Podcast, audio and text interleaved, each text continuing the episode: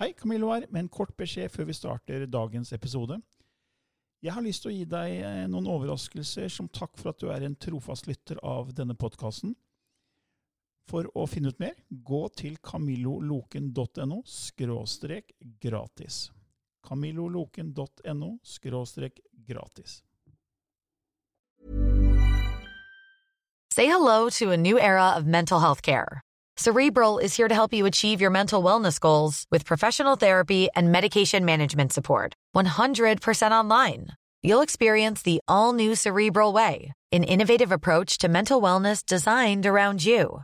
You'll get a personalized treatment plan from a therapist, prescriber, or both in a safe and judgment free space. Your cerebral therapist or prescriber will outline a customized plan with clear milestones along the way so you can get to feeling your best. With Cerebral, you're not alone in your mental health journey. We're here to empower you to live a fulfilling life. So take that first step towards a brighter future and sign up today at cerebral.com slash podcast and use code ACAST to get 15% off your first month. Offer only valid on monthly plans. Other exclusions may apply. Offer ends July 31st, 2024. See site for details. I denne podkasten belyser vi temaer innenfor den ikke-fysiske åndelige verden, og hva vitenskapen eventuelt sier om dette. Mye av innholdet er basert på vår erfaring gjennom mange år og på informasjon fra ulike kilder. Vi deler her med deg vår sannhet, som kanskje ikke er en universal sannhet. Noen av podkastene inkluderer også gjester som deler med seg sin opplevelse av hva som er sant og riktig innenfor disse temaene, noe som nødvendigvis kanskje ikke alltid stemmer med vår egen sannhet. Mer informasjon om vår podkast finner du på andogvitenskap.no. Takk for at du lytter til vår podkast.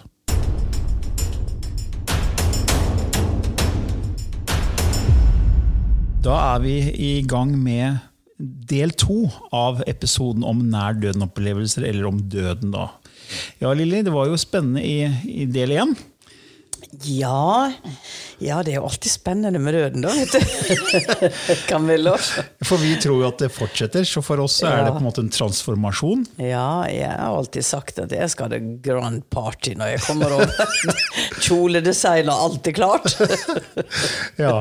Eh, det, vi, vi, skal ha med et intervju i dag med en, en som heter Kari Rose Norheim. Ja. Som opplevde å dø i 1983. Så hun kunne ikke være med oss i dag, men vi har gjort en innspilling med henne fra India. Hun er i India og studerer eh, bevissthet og bevissthetsutvikling der. Og den skal vi spille av etterpå i den sendingen her. Eh, men først skal vi snakke litt mer om nær-døden-opplevelser. Og ja. Det er et begrep som heter delt nær-døden-opplevelser. Og Kjenner du til det? Har du vært borti det med dine klienter, Lilly? Aldri hørt om det. Aldri hørt om det. det. Det, hadde ikke jeg heller, eh, før jeg skrev min bok 'Skapelsens paradoks'. Og Da kom jeg over eh, informasjon fra Raymond Moody. Det var jo han som først eh, begynte å skrive om det her med nær-døden-opplevelser og i hvert fall fikk mye interesse rundt det i media i USA. Eh, ja. I 1975, da han skrev en bok som het 'Life After Life'. Og så ja. kom han opp med dette begrepet nær døden-opplevelser. Men så kom han med en bok i 2009 som heter 'Glimt fra evigheten'. Og Der snakker han om delt nær døden-opplevelser. og det vil si at de pårørende som er, står rundt da sykesengen til de som skal dø, hvis det er mennesker på syk, sykehus eller om det er hjemme, mm. de pårørende, og også da i tilfeller helsepersonell. Som, som, er rundt den døende, de er med gjennom tunnelen inn i lyset og ser og opplever det samme som den som dør. Ok. Og det er litt spennende. Ja, da er det jo flere sannhetsvitner, da. Ja, ikke sant? Og der, mm. det er det da masse hallusinasjon? Ja. Eller, eller, er det et reelt fenomen? Ja. Men han har jo da fått mange som har stått fram og fortalt om disse delt nærden-opplevelsene. Og det var mm. første gang han hørte om det, var da rundt sånn 2008. Eh, og da hadde han jo holdt på siden 1975, for han begynte jo som legestudent eller medisinstudent å interessere seg for det her. Og begynte å intervjue mennesker og skrev bøker om det. Og først i 2008 så kommer dette her. Og da tenker jeg, hvorfor kommer det så mange år senere? Hvorfor er det ingen som hadde hørt om det før da? Kan det ha noe med bevissthetsskifte å gjøre? Ja, kanskje har det blitt åpna en form for portal. hvor Snakker så mye om portaler hvor at universet mener at um, Ja, dette, dette er interessant, Camillo. Mm, Sporer jeg litt av her. Fordi at jeg tror ut ifra hvor vi beveger oss bevissthetsmessig, så åpner det seg luke av erfaring som blir gitt oss fordi at vi er der hvor vi kan ta det. Ja. Dette kom nå, Kamil! Ja, for, ja, ja, ikke sant, det kom akkurat nå. Ja, det kom, plutselig Ja, sånn, er, tenke på det. sånn er det å jobbe med Lilly. Da plutselig bare får hun beskjed fra den andre siden. Og da må det, bare, da må, må det ut. Ja. Ja, nei. Jeg tror også at vi, vi vil ikke få høre om slike episoder og opplevelser hvis ikke vi har språket og forståelsen inne til å, til å forstå det. Og det er jo, da må noen være klare for å forstå det, og Mm. noen må ta det inn. Så man hadde ikke snakket om dette her hvis ikke vi kunne være klare for det, og da hadde man snakket mange år om nær døden-opplevelser, og Ja. Mm. så kommer det her da mange år senere. Så det jeg synes er et utrolig spennende fenomen, fordi hvordan skal du på en måte si at det da ikke er reelt, hvis det er x antall personer som opplever det samme som den døende? Ja. Det, det syns jeg var et veldig interessant vinkling da, på det her med nær døden-opplevelser. ja. Veldig. Veldig. Og, og vi har jo møtt også mennesker opp gjennom åra som vi nevnte i del én, som har hatt nær døden-opplevelser. Og en av de var jo en veldig spesiell og interessant, eh, veldig høy kvinne. Som Ja. en, husker du det? Michelle Ballinger. Michelle Ballinger, ja, det Wow. Ja, vi var begge satt ut av, av henne. Hun gjesta Studio Kanal 5, eh, hvor det var et program som het På den andre siden. Og hun, vi var gjest i det programmet, og det var flere gjester, og hun var en av de. Og eh, hun var, sa hun, en energityv.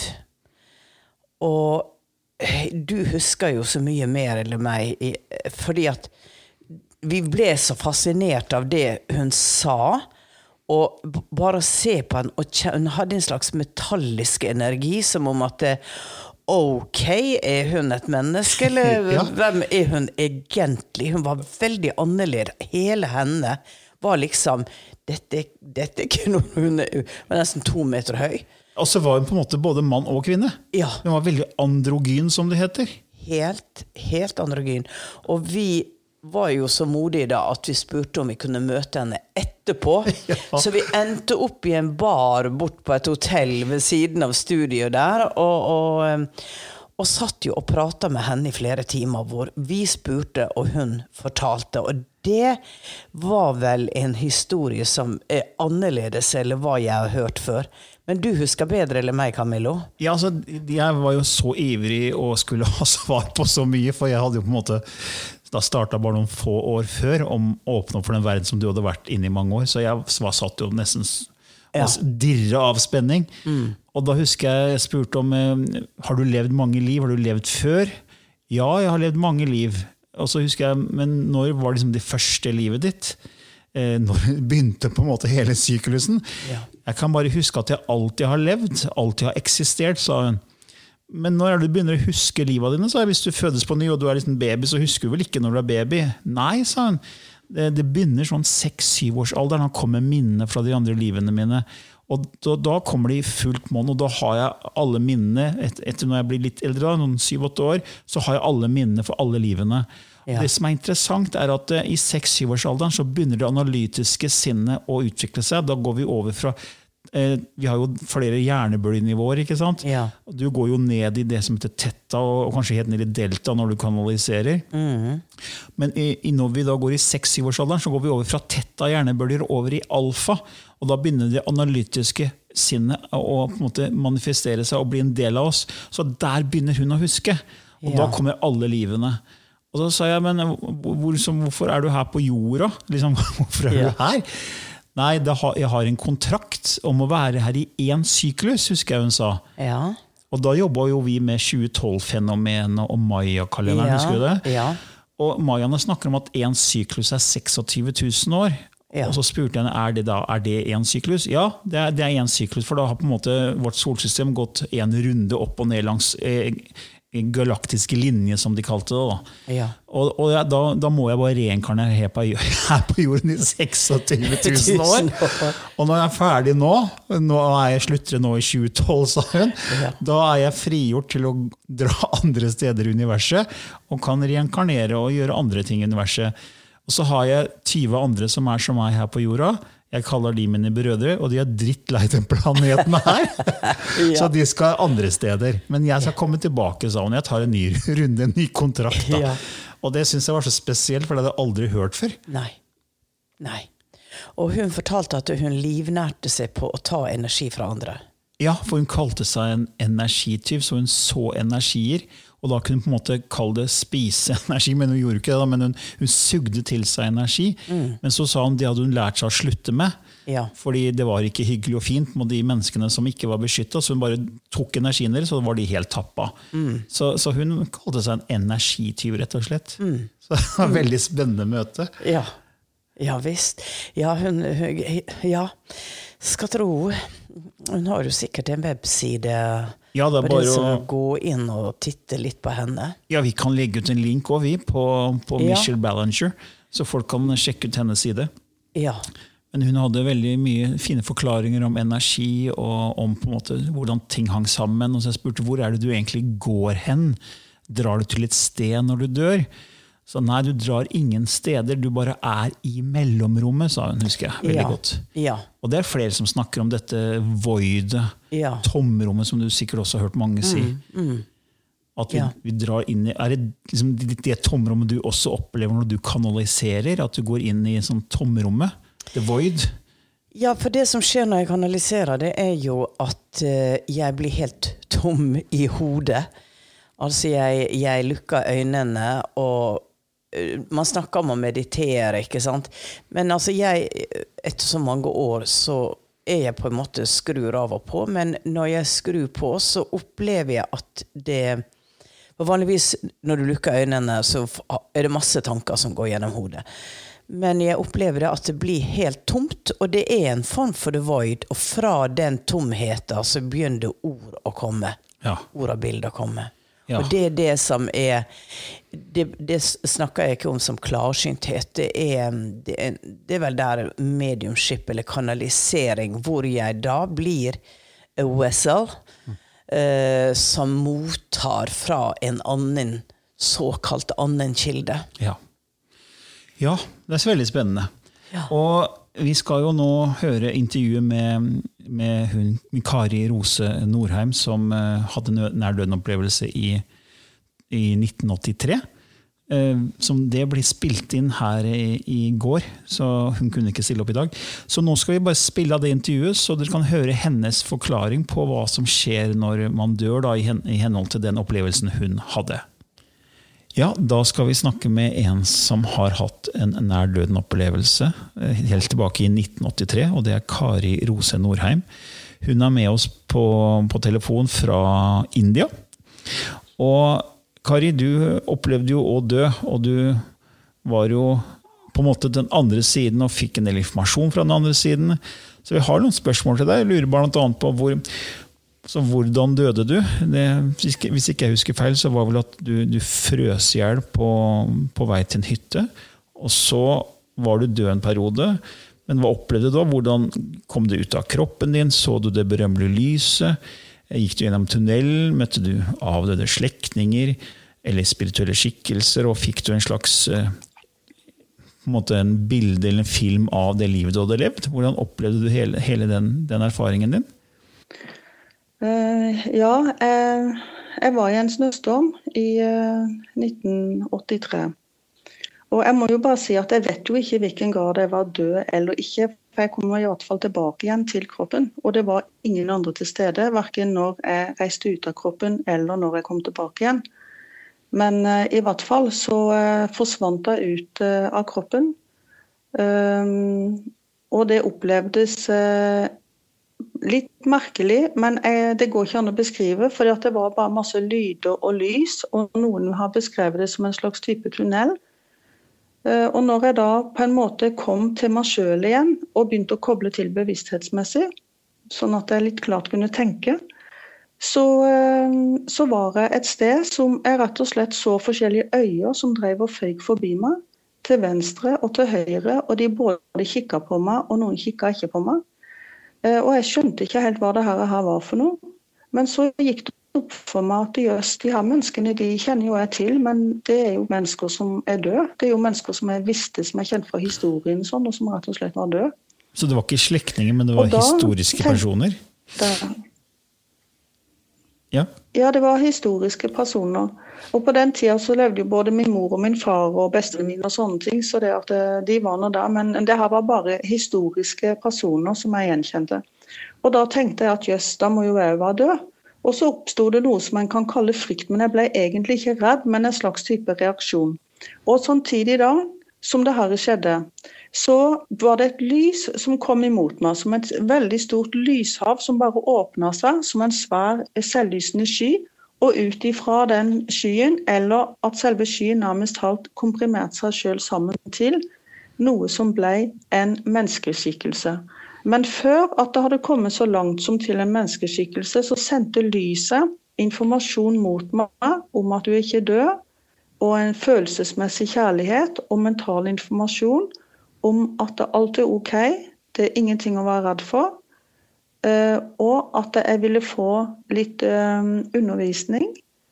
Uh, og så ville jeg ville få et valg om jeg ville reise ned på jorda igjen, tilbake til kroppen. Eller om jeg da ville fortsette å være i den åndelige dimensjonen. Og på det tidspunktet da, så, så skjønte jeg fremdeles, hvis en kan kalle det det, ingenting. Altså, det her var bare rart. Men det er de eneste ordene jeg kan bruke på det. Mm. Men i hvert fall, samtidig så begynte det her vesenet å sende meg informasjon, og jeg fikk energioverføringer som gjorde at følelsene mine og tankene mine knytta opp mot jorda de, eh, og jordelivet de ble lysere og lysere og lettere og lettere, og de var lette fra før. Men det var nesten som du gikk inn i en slags følelsesmessig og tankemessig altså frakobla tilstand, som eh, også flytta med oss eh, per telepati. Da flytta meg med tankens kraft med det herre vesenet okay. til et sted som jeg fikk eh, forskjellig undervisning. Men, men, hadde du da en, følte at du hadde en kropp, eller hadde du ikke kropp der du var? Nei, jeg hadde ikke kropp. Um, når vi kom dit, så, um, så ser jeg òg uh, at uh, kroppen min den, uh, den, lå ned på jorda, og jeg var der. Så, som et energivesen, som en slags type lysboble. Men du kunne ikke se deg sjøl på en måte, men en var noe samtidig som at en var ikke i den fysiske kroppen. og vi kan faktisk mm. Ja, unnskyld, jeg bare lurte om du følte at du fortsatt var Kari? Um, både ja og nei. Fordi at um, det er noe som for mange vil være litt rart. Uh, ikke for de som er vant til å meditere og som har hatt ut av kroppen-opplevelse eller forskjellig.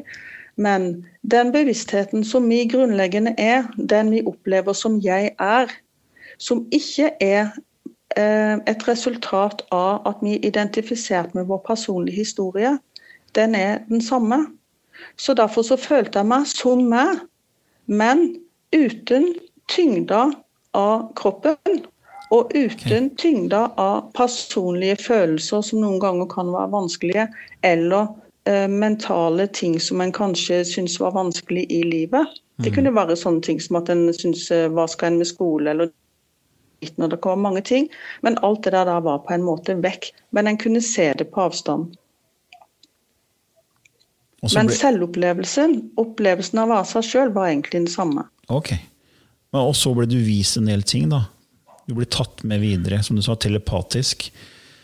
Og så ble du undervist i hvordan ting henger sammen. Ja, eh, vi reiste til et sted, nå sier jeg et sted som ikke jeg egentlig vet hvor var hen, eller hva var. Det kan ha vært en annen planet, det kan ha vært et stjerneskip, det kan ha vært veldig mye forskjellig. Men i hvert fall så var vi et eller annet sted. Eh, og der hadde vi panoramaoversikt. Eh, det er den enkleste måten jeg kan forklare det på. nesten som du skulle sitte med en femdimensjonal fem, skjerm, i hvert fall, hvor du kunne spole tilbake på, eh, frem og tilbake på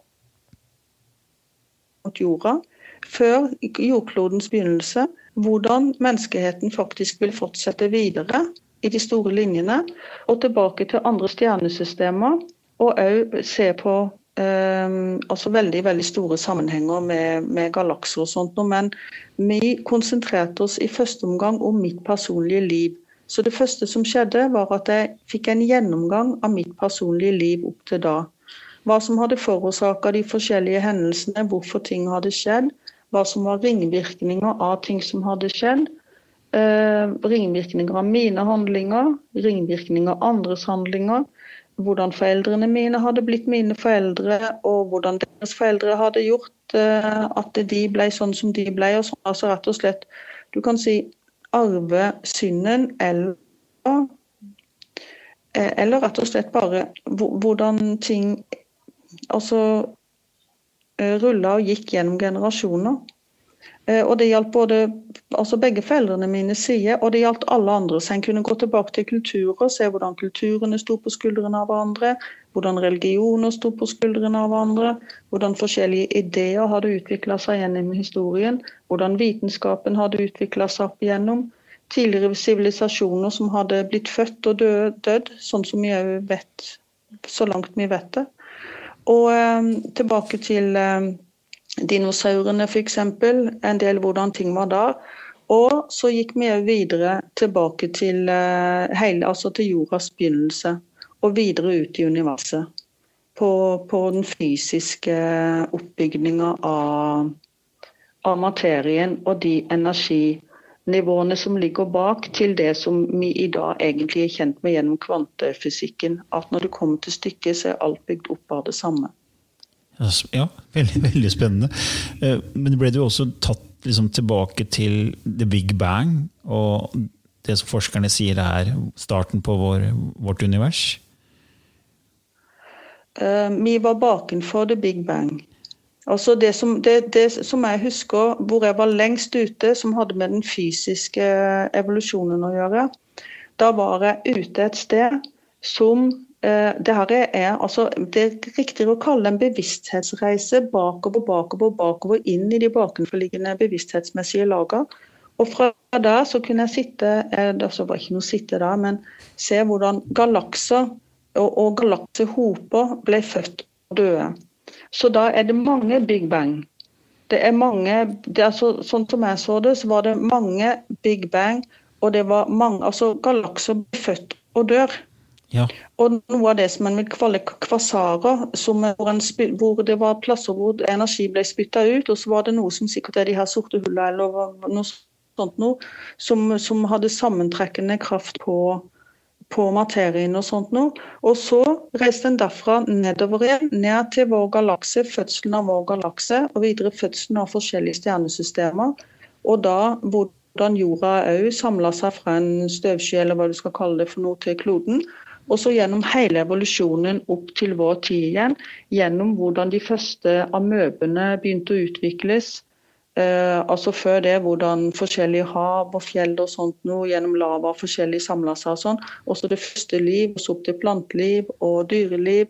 Og så mennesker eh, på toppen som da har den egenskapen at de er bevisste, at de er bevisste, og at de kan gjenkjenne bevisstheten og faktisk hele skapelsen. Og det er reisa tilbake til seg sjøl, hvor Gud ser tilbake på seg sjøl. Så, det, egentlig... Så det var det fysiske. Ja, for det, det jeg skriver i, i, i, i både de bøkene jeg har skrevet med Lilly og, og har skrevet alene, det er jo at bevissthet ligger til grunn for alt. Det er bevissthet som egentlig har skapt uh, the big bang, skapt uh, universet, beskapt uh, materie og ikke motsatt, siden forskerne nå sier jo at det er på en måte materie bare oppsto fra ingenting, og så da etter hvert kom evolusjonen til det som vi har i dag. Så da materie har skapt oss og bevissthet. Men eh, det, det, du sier, er vel egentlig i tråd med det jeg sier, at det er bevissthet som egentlig ligger til grunn for alt? Ja, er, for, for, meg så er ikke det noen tvil. Altså, Når en har hatt sånn opplevelse som jeg har, og det er det jo ganske mange andre som har, og noen har rett og slett bare forska seg fram til det, så er det nærmest talt latterlig at en tror at denne kroppen og denne hjernen skaper noen overledninger som går litt ping-pong i hytt og pine. og så får en del hallusinasjoner og så noen andre vrangforestillinger, som de liker å kalle det. Eller psykoser eller noe sånt. Noe, og, så, og så produserer det på en måte bevisstheten. Altså, Vi er skapt av bevissthet. Ja. vi er bare en avgrensning av bevissthet. Så det at eh, sannheten er jo stikk motsatt. Ja, det er liksom det jeg har på en måte kommet fram til, og jeg har holdt på med det her i 15 år. at det er eh, noe som ikke henger på greip, at materie kan ha skapt bevissthet. Det må være motsatt. fordi hvis vi skal skape noe i dag, om det er en produkt eller tjeneste, eller hva som helst, så starter det alltid med en bevisst tanke om å gjøre det.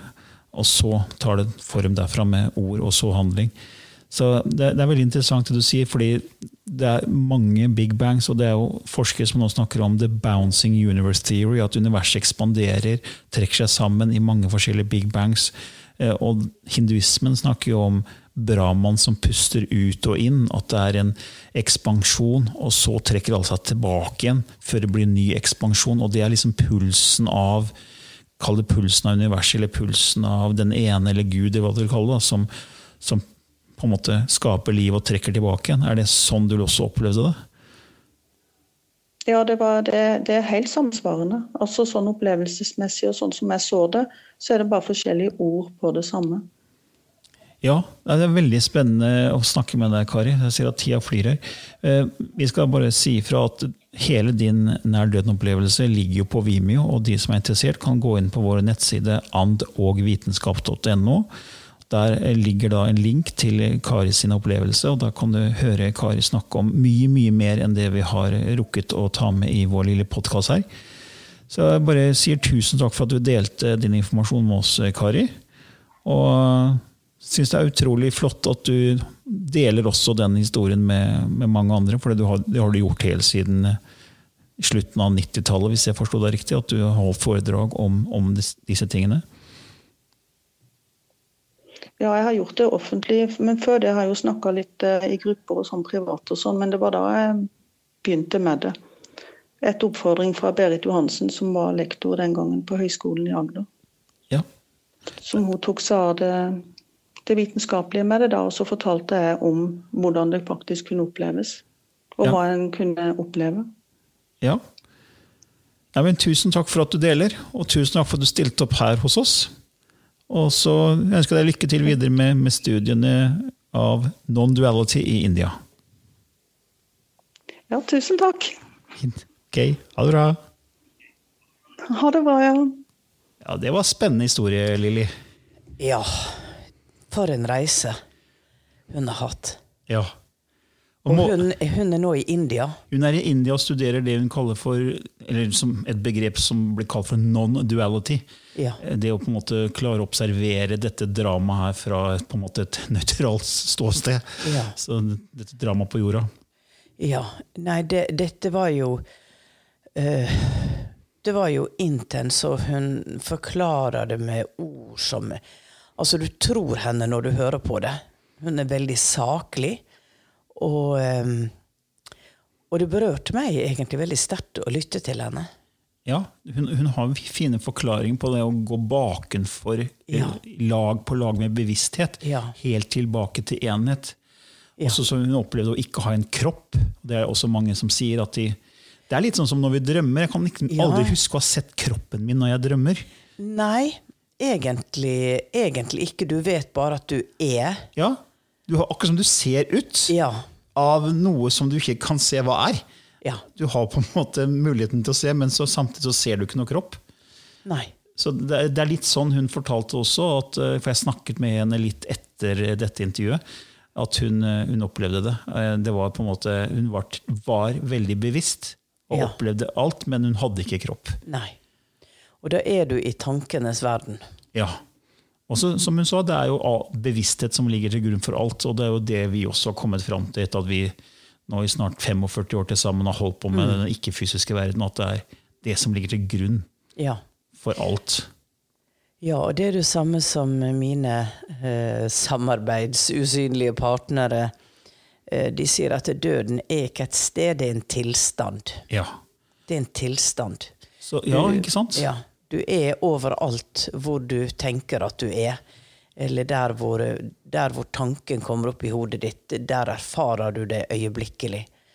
Ja, det var det du nevnte i del én, det her med, med at den, den frekvensen eller vibrasjonen man dør på. Og hvis man da har en tro om at ting er bare svart fordi man er ateist og sier at nå er det slutt, så har man den, den type energifrekvens-tro. ikke sant? Og det er da møter du mørket. Ja. Men hvis du tror på en himmel, så møter du en himmel. Ja. Tror du på et helvete, så vil du kunne møte et helvete. Så, og det tror jeg buddhismen snakker om, at de ønsker å dø på en, på en måte kall det en høy frekvens, for de Ja. vet på en måte at De det avgjør hvor du kom, Ja. altså, kall det kommer da, Ja. til. Og der er jo en bok eh, av en eh, kjent guru som forteller om sin død. Han var jo en eh, adept her på denne jorda. Han var opplyst. Og hvor han kommer tilbake til sin elev og viser seg fysisk for han. Og um, hvor han da forteller denne eleven at han kom til et sted som var forbi der hvor de andre kom. Eh, at han kom på en type planet, og du kunne se det utenfra som en uh, som en runding som hang fast i noe, men hvor han observerte det andre universet, de andre planetene, de andre tilstandene, men han var past it. Og han hadde jo i en tilstand i jordisk kropp da blitt opplyst, og hadde vel i sin tanke eh, hatt opplevelse av at sånn var det. Og idet han døde, så var det sånn han opplevde det. Og ehm, Og så er det vel at Hvis du da forstår at du styrer med tanken, så, så er det ikke sånn at du blir i helvete eller blir i himmelen. Altså. Nei. Fordi så fort du skjønner at du skaper det med det du tenker og vibrerer, for å kalle det det, så kan du forandre det. så forandrer det den virkeligheten seg. Ja. For- Det er som når du er fast i en drøm, ikke sant? Du er fast i en drøm, så kan du av og til liksom gå inn i drømmen øh, og si at ja, men jeg, jeg vil forandre denne drømmen. Sånn lucid dreaming, ja. Ja, og det er, det er flere som har fortalt meg at de kan styre drømmen, og de bestemmer seg før de sovner på kvelden. At jeg vil drømme om det, og så vil jeg styre drømmen. Og de klarer faktisk, de har trent på det, da. De klarer faktisk å gjøre det. Jeg har faktisk opplevd det to ganger. At jeg har styrt min egen drøm En sånn lucid dreaming. Jeg har visst at jeg har drømt, Ja. og så har jeg klart å styre drømmen. Men det er som du sier, det er, det er noe med at man må trene seg opp til det. Og jeg har, jeg har opplevd det to ganger uten at jeg har trent på det. Ja. Så jeg har erfart det. Utrolig, utrolig spennende. Ja. Og jeg tror det er litt sånn på den andre siden når vi går over. da. Ja. At vi fortsetter på en måte eh, i det, i, fra den frekvensen vi slapp her. Ja. Og så kan vi styre det når vi skjønner at vi skaper det selv. da. Ja. Ja, Oi. ja tida flyr. Tida flyr. Tida flyr. Så igjen så skal Lilly kanalisere det vi kaller for lysspråket, eller som har blitt kanalisert ned til Lilly for mange år tilbake. Et veldig spesielt, kall det stjernespråk, universalspråk, som inneholder frekvenser som ser ut til å gjøre litt eh, ut, utvidet bevissthet for en del mennesker som hører på det. Så det kan hende noen får reaksjoner, men det er ikke farlig. Og du kan lese mer om lysspråket på vår nettside andogvitenskap.no. Og du kan også sende inn eh, forslag til temaer du ønsker vi skal belyse i denne podkasten. Så nå er Lilly snart klar, så da er det bare å lene seg tilbake og lytte til lysspråket.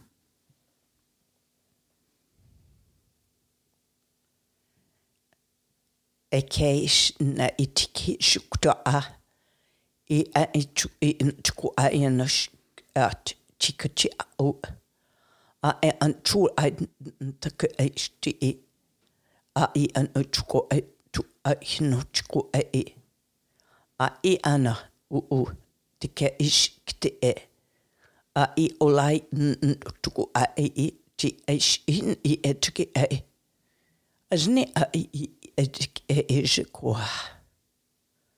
Ujuana. Ina i iti i e. I i i nuha tuk chukwa. Shitike.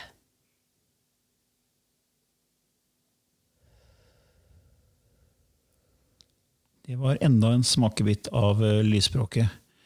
Og det, nå har vi jo hatt noen episoder, og Ja. det er forskjellige hver gang. Selv om det kan høres for, for de som ikke har hørt det før, ganske likt. Men jeg har jo hørt det mange ganger, så jeg merker at det er forskjellig. Og du har jo fått inn at det er flere lag av det språket her. Ja, det er mange Det er som på jorda vi har mange språk, så eksisterer det mange språk der ute. Og jeg tror jordiske språk er på en måte også henta av eh, dette språket her, universelle språket.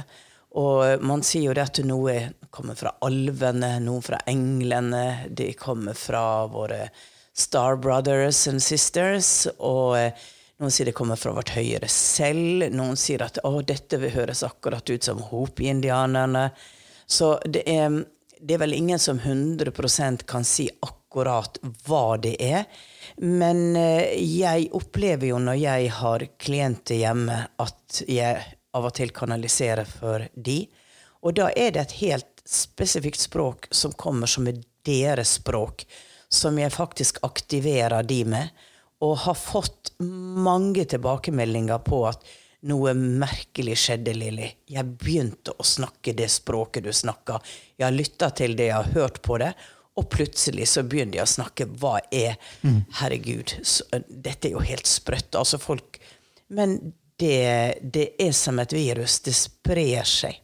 Ja, og Vi snakker jo om det i vår siste bok også, 'Du Ja. er klarsynt'.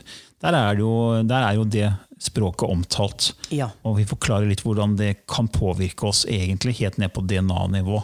Ja. Så det er en forklaring på det i boka. ja. Aktiveres. Vi aktiveres. Ja. Men Da var vi jo veis ende nok en Ja. gang. Det er veldig gøy å få lov å sitte og snakke sånn med deg. Ja, i like måte, Camillo. Du er jo en sånn der eh, Du er et sånt, hva skal jeg si da, du, et oppslagsverk, vet du. Og du har jo en hukommelse som er helt unik. Så eh, tusen takk for i dag. Og så ja, da ønsker vi bare velkommen til neste episode neste uke. Ja, ha en fantastisk dag. Ha det bra. Hei.